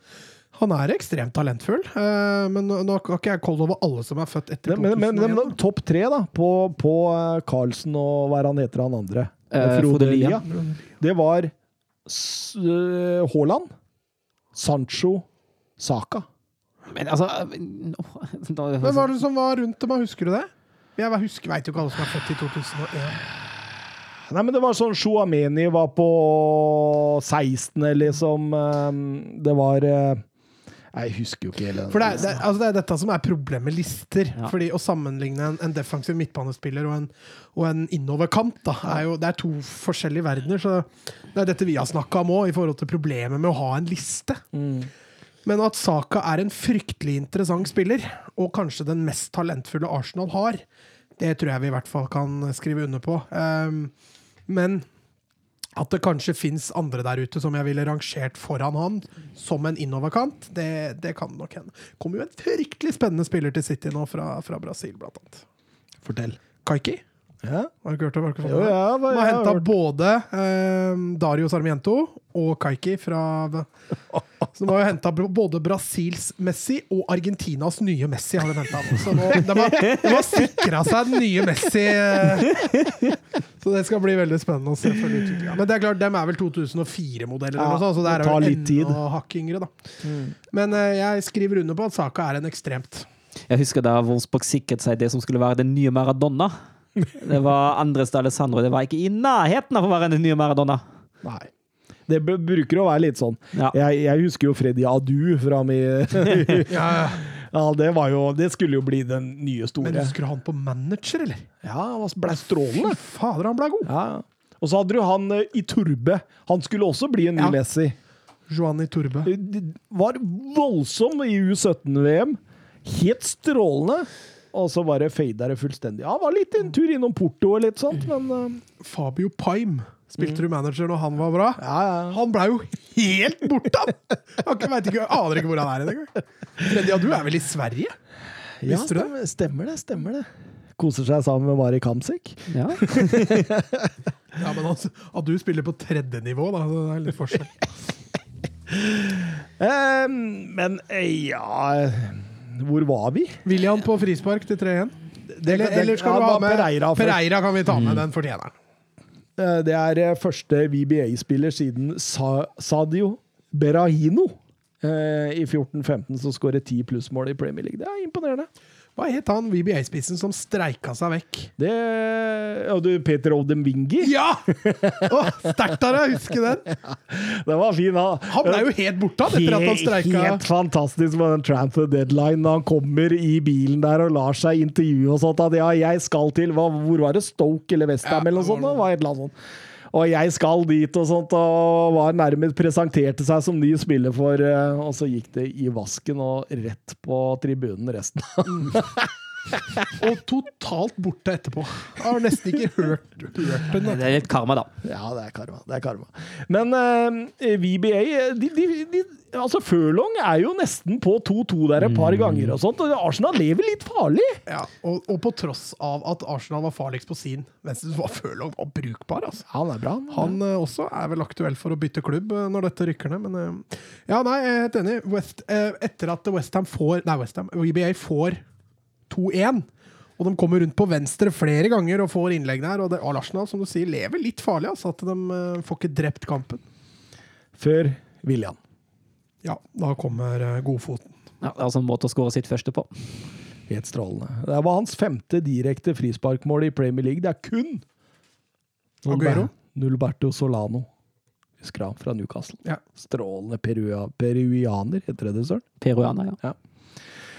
Han har ni, og det er mest i, i Premier League. Så kan du tenke deg Lionel Messi, da, som totalt har 50 direkte frispark, så er, så er det et stykke dit. Ja, dit opp er det jo et stykke. Og, og det å slå frispark, der kan vi jo faktisk sammenligne ligaer. Det går an. Ja, for muren er stort sett lik i Ja, alle jeg tror han har 50 i alle turneringer, da. Ja, ikke sant. Ja. Men likevel, det, det er et stykke opp. Han har en jobb å gjøre, William. Han får jo nesten ikke spille i Arsenal, så det skal ta tid å skåre 50. Og når vi snakker Messi, så er det jo glidende overgang til vår hovedkamp, eh, Barcelona mot Atletico Madrid. Det var nummer tre mot nummer én på tabellen. Det skilte kun to poeng. Real Madrid var imellom der. Barcelona har i nyere tid eh, et svært godt eh, tak på Atletico Madrid. De siste 32 kampene har de kun tapt fire og vunnet 18. En av disse fire var det motsatte oppgjøret på Wanda Metropolitana denne sesongen, hvor Atletico Madrid vant 1-0 etter målskåring av Carasco, var det det? Ja, ja det var Carasco. Eh, Tilsvarende Tun- sist tunnel på Ter Stegen. Ja, stemmer det. Eh, tilsvarende sist sesong endte 2-2. Eh, tre av målene i den kampen ble omsatt fra 11-meteren, og pluss et selvmål av Diego Costa. Etter 283 kamper og 198 mål for Barcelona er Luis Suárez tilbake på kamp nå. Var du redd for Suárez, eller? Det lå altså, det lå jo selvfølgelig litt i lufta, men uh, med tanke på hvordan jeg tenkte Atletico kom til å spille den kampen, så var jeg ikke så bekymra, altså. Eh, jeg, jeg, jeg tenkte det at eh, jeg tror ikke han scorer med mindre det er en retur eller et eller annet han scorer på. Det kunne jo selvfølgelig skje. Søren kan jo gå litt igjennom Atletico Madrid, og så kan jo du ta Barcelonas oppstilling. Eh, Ja. Begynne med deg, Søren. Ja, Atletico Madrid de gjør jo to endringer fra sist. Eh, Det er Felipe som er inne i midtforsvaret eh, i stedet for Jimenez. Det vil være ved siden av Hermoso og Savic. Og så er Kåke tilbake sentralt dypt i midtbanen for Kondogbia. Uh, ellers er det en, uh, en 3-1-4-2, kan vi vel kalle det. Med uh, Carasco Trippier som Vimbeka, Lemma og Jorente foran Kåke, og Suárez og Korea på topp. Ja, nei, Barcelona gjør jo ingen endringer. De, de kjører samme laget som, som de hadde sist, og eh, med selvfølgelig kanskje ett unntak, så er jo det for så vidt greit. Men eh, Skulle gjerne sett at han rullerte litt mer, eh, Koman. Altså. Han, har, han har funnet seg en elver nå, som for så vidt er greit, men veldig lite rullering. Han, han, har, han har tatt det dilemmaet du snakka om i forhold til Dembélé Grismann. Ja, det har han gjort. eh, Og han valgte det samme som jeg ville gjort. Mm. Gris, to spisser, og han valgte Grismann. Selv om i løpet av denne kampen så tenkte jeg flere ganger utover i andre omgang nå får du få inn på Dembélé, men det kan vi komme tilbake til. Em, matchen setter jo seg egentlig ganske tidlig, fordi Atletico Madrid de er nesten 1-5-4-1 defensivt, og, og, og de dytter jo opp spillere offensivt, så det blir en slags 3-3-2-2. Eh, og Lemar har tidlig et skudd der som Ter Stegen må, må ut på. Og åpenbart eh, at eh, Atletico Madrid har en plan her nå. Ja, Og den prøver også å variere presshøyden sin, eh, men det høye presset syns jeg fungerer svært dårlig for Atletico. Jeg syns Barca spiller av det presset ekstremt lett. Men gjennombruddshissigheten til Barcelona, eh, egentlig gjennom hele kampen her, er Den er altså for meg da, som er Barca-supporter, og dette tikki-taka, at du skal spille deg fram til mål, er jo noe jeg verdsetter. Men i kamper som dette så syns jeg de kan være litt mer gjennombruddshissige. Altså, for når du greier å spille av det høye presset, så betyr det jo at det er mye bakrom. Ja, øh, altså det det jeg, det jeg stusser litt på, altså frem til, i hvert fall frem til Busquets må ut altså De løpene som vi har Som vi har rost de Jong for nå de siste kampene, de er helt fraværende. Er ingen av løpene i boks i det hele tatt. Og etter at Busquets må ut, så, så forsvinner han jo helt fra rollen. Så da, da er det jo greit, og, og Moriba fyller jo ikke den rollen i det hele tatt. Så Nei, jeg syns det er som du sier, litt skuffende at det er så lite gjennombruddshissig. Eh, og i hvert fall når du møter såpass gode lag, da, hvor du må prøve å presse dem litt tilbake. Men når Atletico ligger etablert i forsvar, så har ikke Barca jeg syns ikke, komme ikke igjen. de har sjans til å bryte igjennom. Det er for dårlige bevegelser, balltempo er for slapt, og eh, som jeg sa i stad, altså gjennombruddshissigheten er jo lik null. Selv når lag ligger lavt, så er du nødt til å ha gjennombruddshissige spillere, ellers så, så kommer du aldri gjennom. Ja, og altså- så ender du opp med å skyte da, fra 30 meter. Altså, og, og når du vender spillet, så vender de alltid spillet gjennom én og to og tre Ja, mann. ja. Altså det, det er jo aldri raske Ja. vendinger, så Atletico Madrid fikk jo stå og bare skyve i ramma hele ja, veien. Og når, når Jordi Alba en sjelden gang i i første omgang kom seg litt forbi Trippia, så var Filipe der og rydda opp. Eh, han, var jo, han ble jo ganske isolert òg, godeste Alba. Når det er sagt, så er jo Carasco og Atletico på venstre side fryktelig gode, eh, spesielt i første omgang. Um, de har jo lagt en klar plan om at Mingesa er spilleren vi skal eh, Angripe. Ja. angripe. Eh, både doble og angripe. Og Carasco styrer jo den hele offensive butikken til Atletico før pause. Deilig hvordan de liksom på en måte legger den ene wingbacken helt, helt ut for å, å bare trekke dest unna Mingesa, sånn at Mingesa blir isolert, og så alltid angripe på utsida av Mingesa og inn. Og den fikk jo masse sjanser skrått ut venstre. Ja, og når du, når du snakker om vendingene til Barcelona, så gjør jo Atletico Madrid noe bra når de vender, for da trekker de Hamoso opp i midtbanen og vender via Hamoso og inn til Carasco. og Det er noe helt annet. Det ser mye bedre ut, og det, som du sier, det blir en del sjanser ut av det.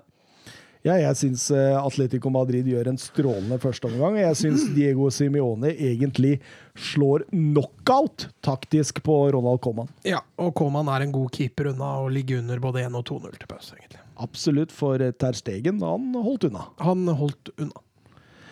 Eh, I Altså eh, Luis Suárez. Jeg syns han var imponerende i starten av sesongen, men nå begynner han å se Ja, sliten ut. jeg synes det. Etter at han hadde den skaden og kommet tilbake igjen, så syns jeg han ser uh, Han ser ut som den spilleren Barca kvitta seg med, spør du meg. Uh, Lite fitt ut, egentlig. Ja.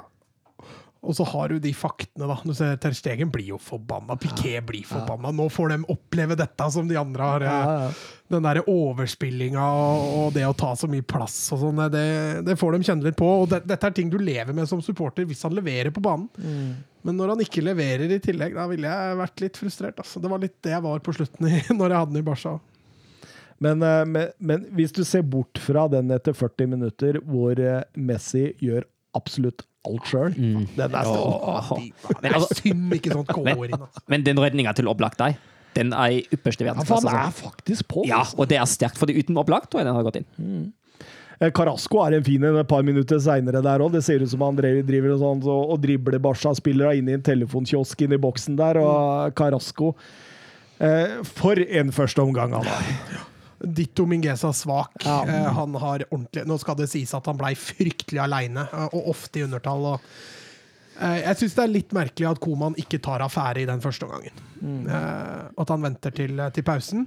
Og han tar ikke så veldig mye affære sånn taktisk. Han, han Nei, bytter for- rett og slett da spiller for spiller. Jeg forventa meg en firebeckslinje ute i annen omgang. Jeg, forvent, jeg forventa det i starten av første. jeg. Ja, ja, du gjorde det. Jeg liker Ja. starten av første, i hvert fall utover i første. første. så når, eh, fordi Atletico Madrid får jo veldig Ja. mange sjanser. Ja. Ja, det, det eneste han jo gjør, er at han flytter Mingueza litt mer ut og litt mer dypere til høyre, og passer litt mer på at det ikke blir så, så isolert. Men det gjør han jo også først i andre omgang. Det gjør han jo først når Araujo er på banen.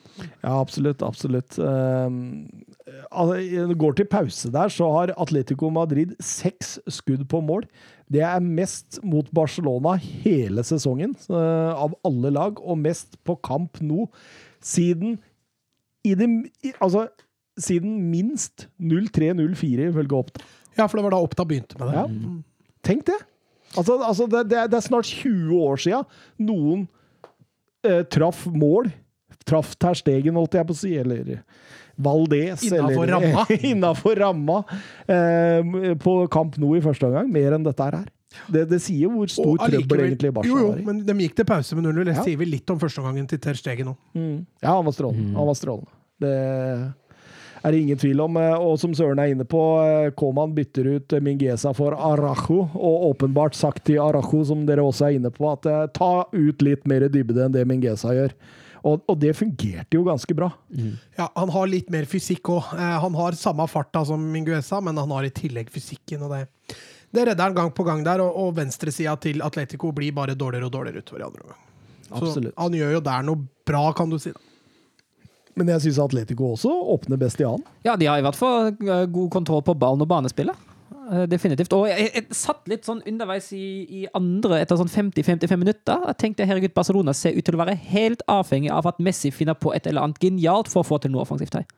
Altså, altså Bytt til 4-3-3. Kom igjen nå, tenkte jeg, Ronald Coman. Fordi altså, indreløperne står. Vingbekkene blir ikke brukt. Både Grismann og Messi møter ingenting i bakrom. Det, altså, og, og du hadde allerede slitt mye med den venstresida, siden det begynte å avta litt nå. da.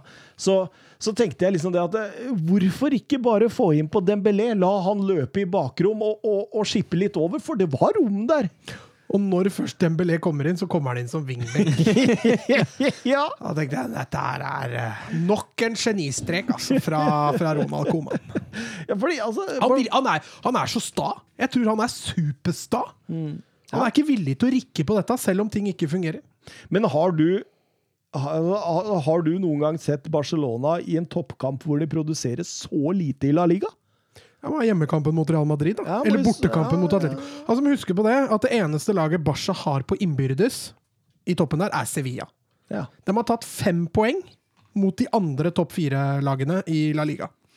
Av tolv. Og det er jo Altså, hvis de ender opp med som seriemestere med dette, altså all kudos, men da er det ikke fordi Barca har vært så fryktelig gode. Nei, jeg, jeg har sagt det, at de blir seriemestere. Ja, altså, Og da både- kommer det Ronald Koman-dikt. Da må både Real Madrid og Atletico snuble på de tre siste kampene. Ja. Atletico har vel sin største, sin vanskeligste nå neste Ja, Både Real og Atletico har igjen via Real. I tillegg så har Real Madrid igjen Bilbao.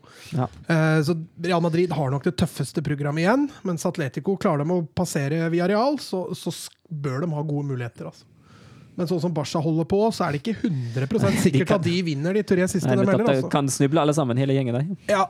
Uh, og det var litt synd, vi skal vel til den kampen, men, men hadde den kampen stått ut med Sevilla der, fy flate, hadde det blitt jevnt igjen. Liksom. Men uh, Dembélé får jo en stor sjanse rett før slutt, Mats. Ja. Eh, Jordi Alba Det lille som sagt Søren var innpå, som skapes, er enten enkeltmannsprestasjoner av Messi, eller så er det Alba som, som kommer seg ned til linja. Igjen så er det vel en blanding av Messi som spiller fri Alba på sida der, og innlegget er jo strøkent, og du ser på reaksjonen til Messi at det er en kjempesjanse. For han går jo bare rett i knestående når Dembélé må nesten si feilberegner. Altså, han viser jo at han i hvert fall ikke er noen hodespiller. Og Messi har et frispark der helt mot slutten også, som går rett utafor. Messi ble faktisk eh, slakta, eh, lagt i bakken ni ganger i denne kampen, og det er mest av en Barca-spiller siden Oppda begynte å regne på dette i 03-04. Søren. Ja, det, Så han, men, men, de hadde fått beskjed om å ta han. ja, men det er jo, det er jo, da har jo Atletico tatt ut det største våpenet Barcelona hadde i den kampen der. Allikevel fikk han til ganske mye, spesielt utover i andre omgang. Så jeg syns ikke Messi hadde noe off-dag. Resultattipset Søren er den eneste som stikker av med poeng! Det, Det har ikke skjedd ofte. du tippa 1-1 og får dermed ett poeng. Jeg trodde Barcelona skulle ta dette, og eh, det skjedde ikke. Mens Bar Mats, du, var, eh, ja, du, du tenkte som vanlig når det blir Barcelona, at eh, her får jeg en opptur med å få et poeng i resultattipset hvis de taper. Det er helt riktig. Det er akkurat tankegangen jeg har. Pluss at det er jo en fordel da, når jeg ser at dere tipper, for dere kan jo egentlig ikke tippe. Så da er det jo bare å tippe det motsatte av dere. Så her tenkte jeg at dette blir poeng, rett og slett. Men der Søren fikk det denne gangen. Banens beste, hvem vil begynne? Jeg kan starte. Jeg må si at jeg slet skikkelig denne gangen. Eh, Jeg hadde flere kandidater, eh, men jeg slet med å rangere dem. fordi var, Jeg følte at det var få som spilte egentlig en sånn perfekt kamp. Jeg har noe å utsette på de aller fleste, eh, men jeg har også gode sider på de aller fleste. Men han som jeg mener spilte en bortimot perfekt kamp, det er Ter Stegen. Jeg syns Testegen spilte feilfritt. Jeg synes Testegen spilte strålende. Ikke, altså, han hadde jo nesten ikke noe å gjøre i andre omgang, men det han har å gjøre, det løser han tilnærmet perfekt, og da er jeg hans på tre poeng. Ligner han litt på han der i den der Matt Damon? Tørstegen? Ja, gjør han det? Matt Damon? Nei. Nei, jeg syns ikke det. Har jeg ikke tenkt på det, i hvert fall. Nei, nei da, da slår vi fra oss den. Eh, Så gir jeg to poeng til Carasco, særlig pga. den første omgangen. Han er jo, som Mats er inne på, dårlig i, eh, i andre, eh, som også skyldes Araujo og ja, bedre forsvarsspill. Men uh, den første omgangen er strålende, og da får han to poeng. Og en poeng, ett poeng gir jeg til innbytteren Araujo, som får god, poeng, uh, god kontroll på, um, på Carasco i andre omgang.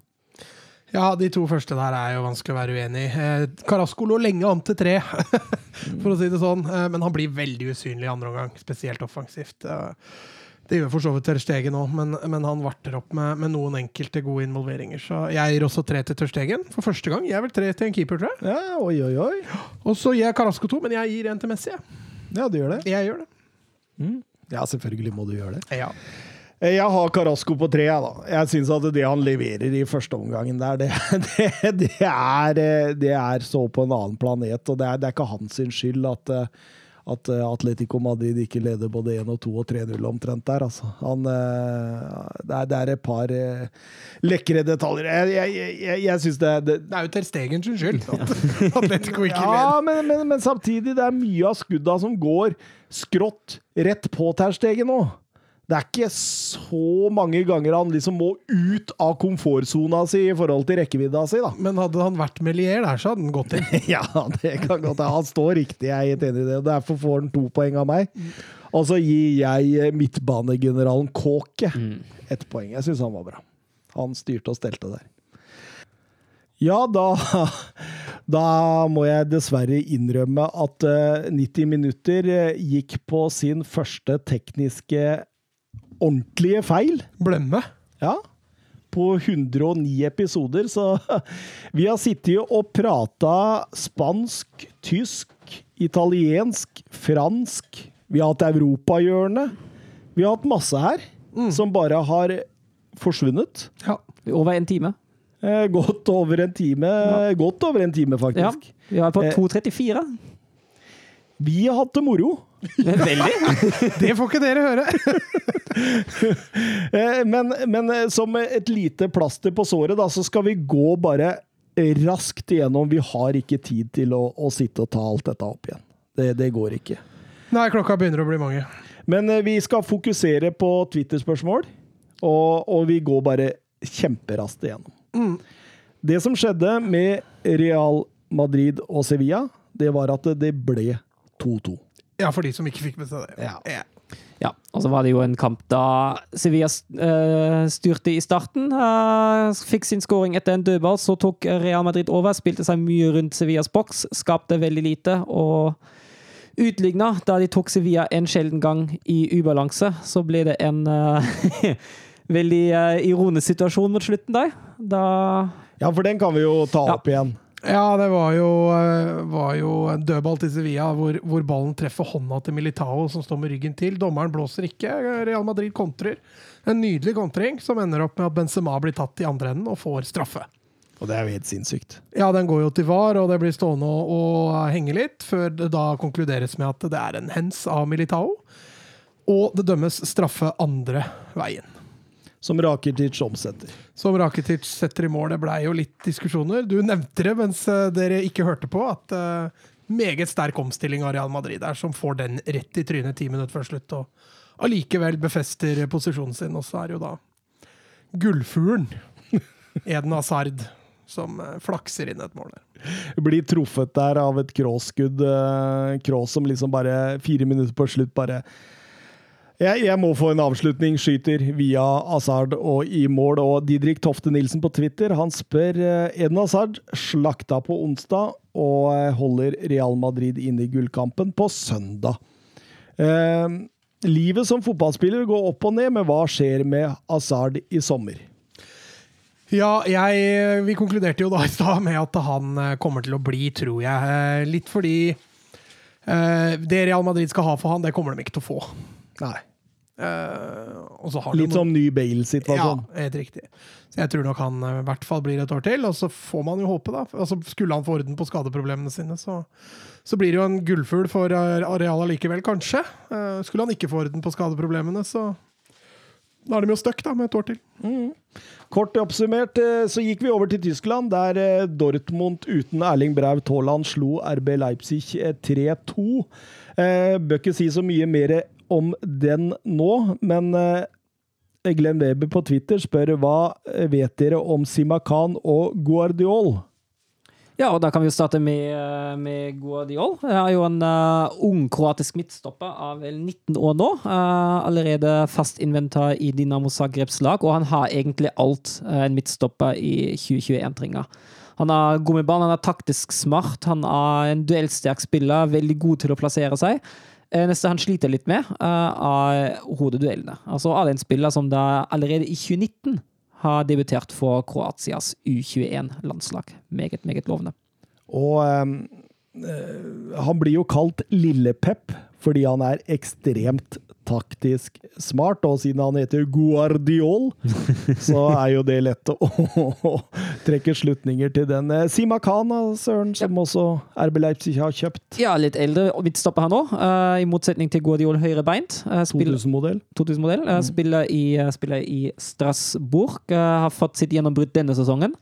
Eh, fikk korsbåndskade som satte den ut av spill i hele 18-19-sesongen, dessverre. Uh, han brukte jo litt tid til å komme seg fra den. men han er litt som den klassiske midtstoppertypen. Uh, må jobbe lite grann med pasningsspillet og ballen i beina, men uh, veldig veldig god på de klassiske midtstopperdisiplinene som duellspill, luftstyrke og alt det der. Det har han uh, full grep på. Blir også brukt litt som høyreback. Uh, god fart. Sliter litt med akselerasjon, men når han først kommer i gang, er hastigheten høy.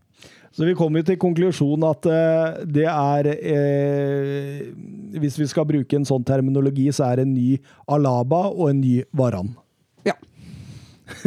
Hvis du skal bruke den. Jeg Det var det vi konkluderte med sist òg. Ja, ja sist òg, ja.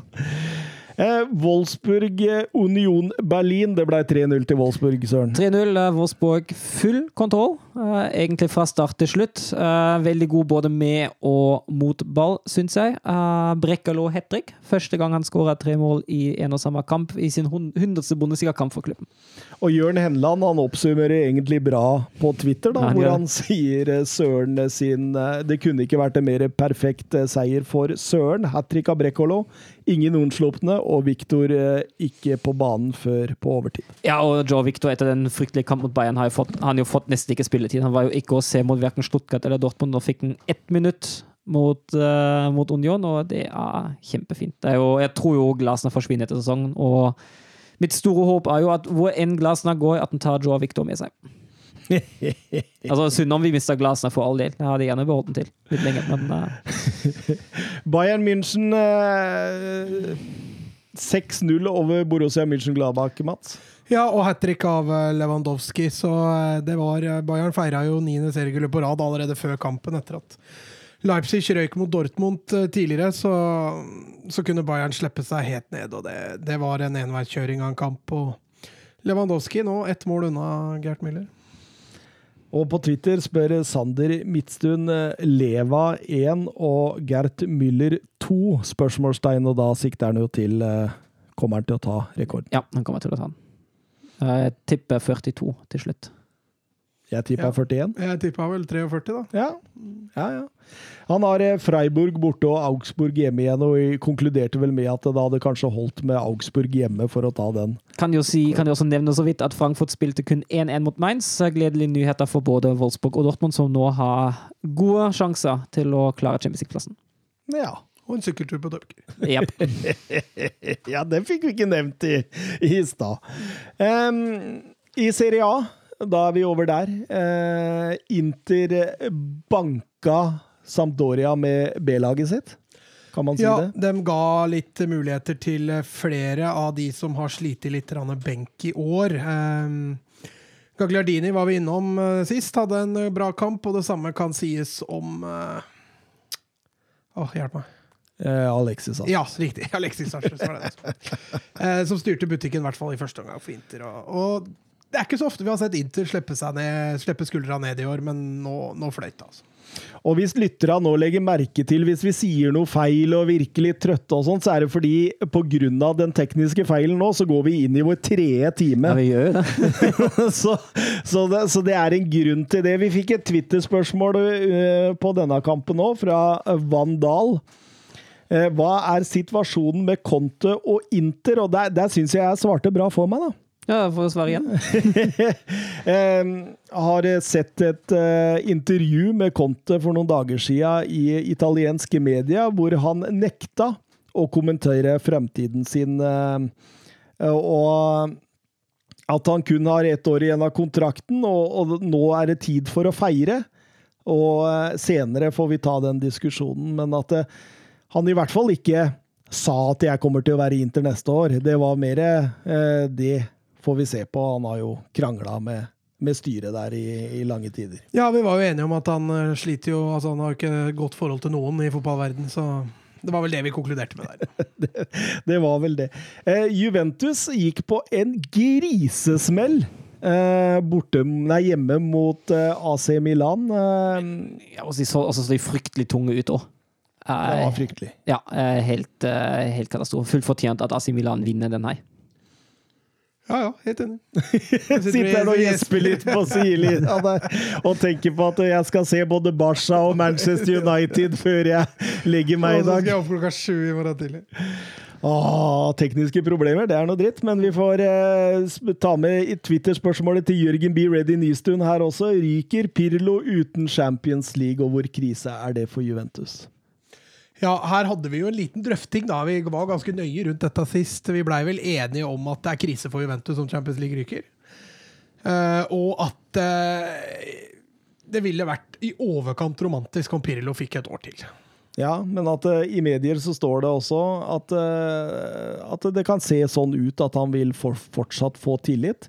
Vi, vi, vi sa jo egentlig at Juventus er, står ved kanten av stupet.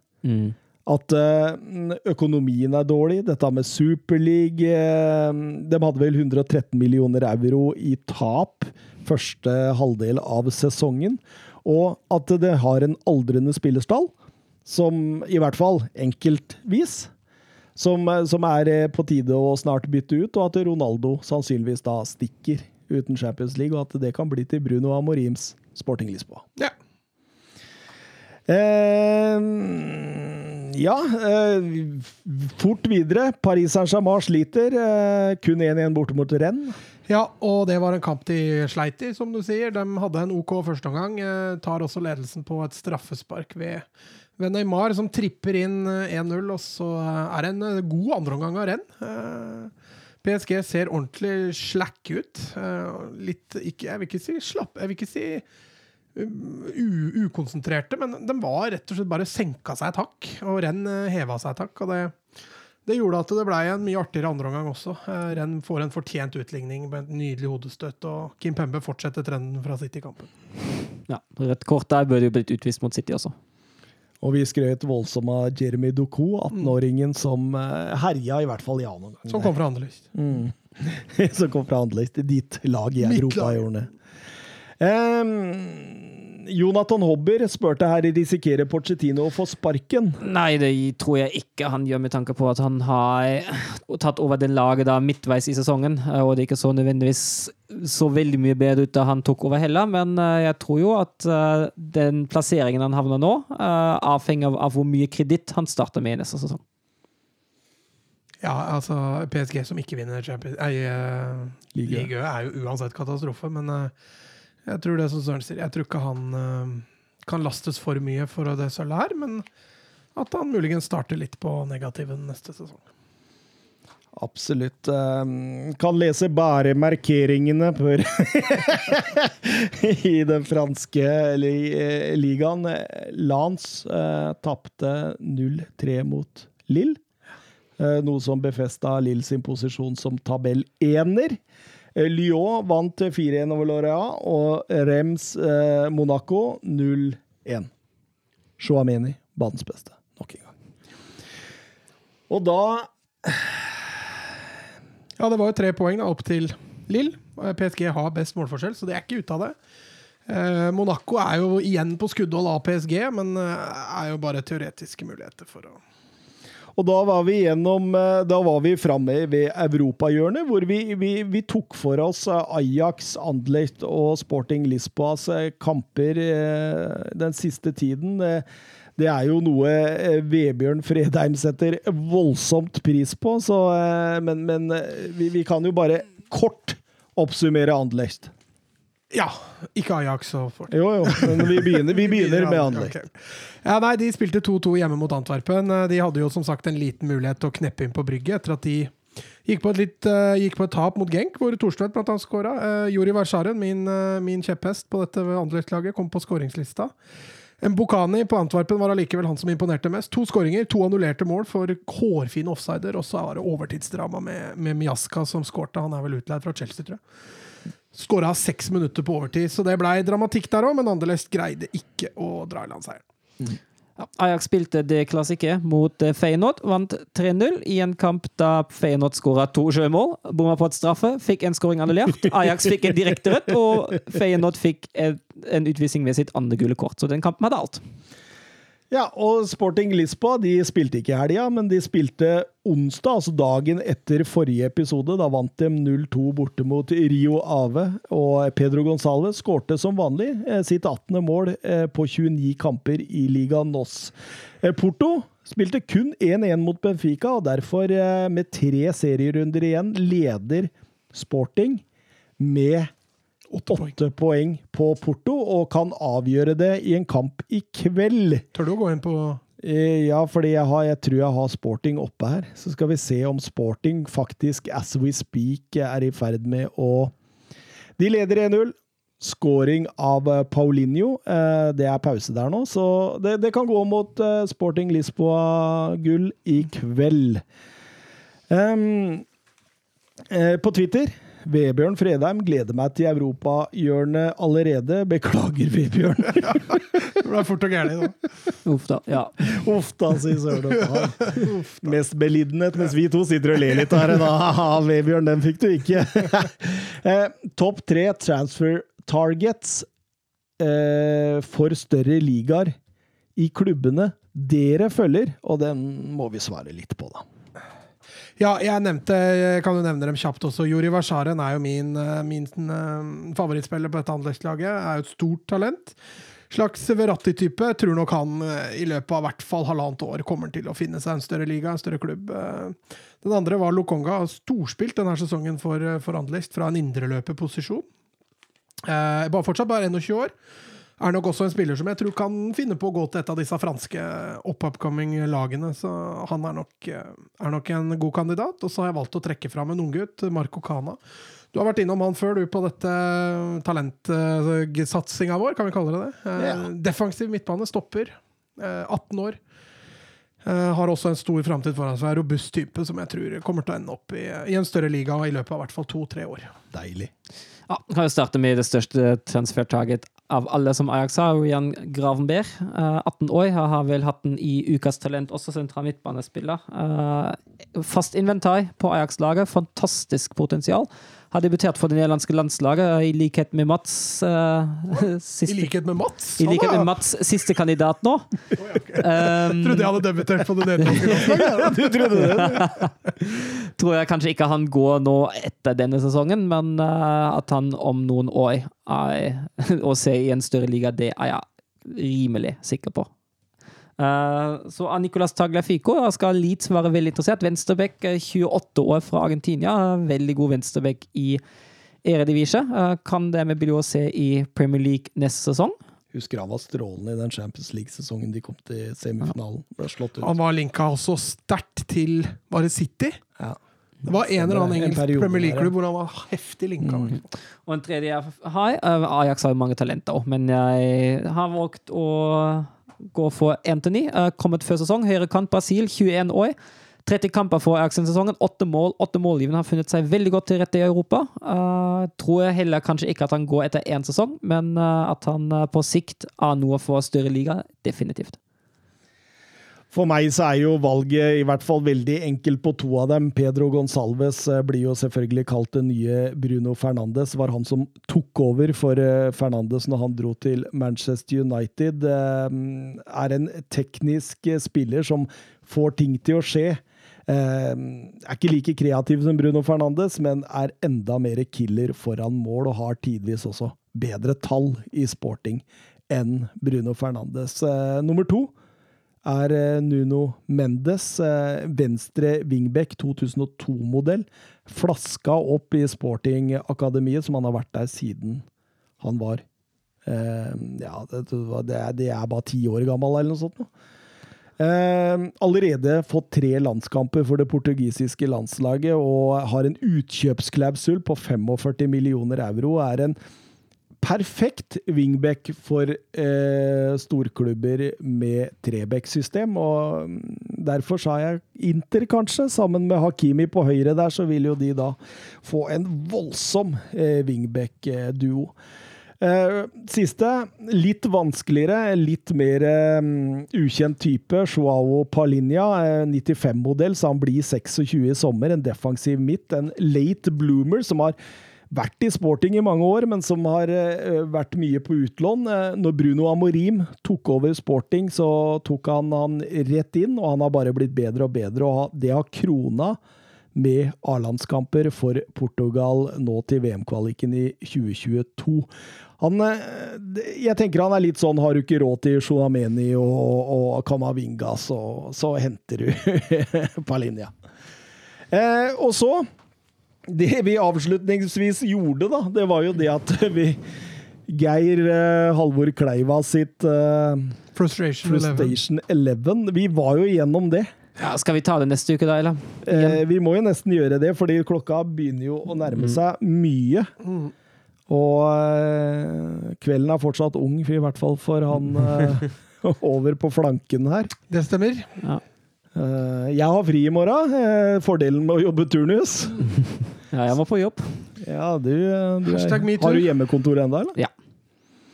Så eh, vi, vi beklager det på det sterkeste, gjør vi ikke det? Jo, Ja, det gjør vi det, selvfølgelig. vi får ta det igjen.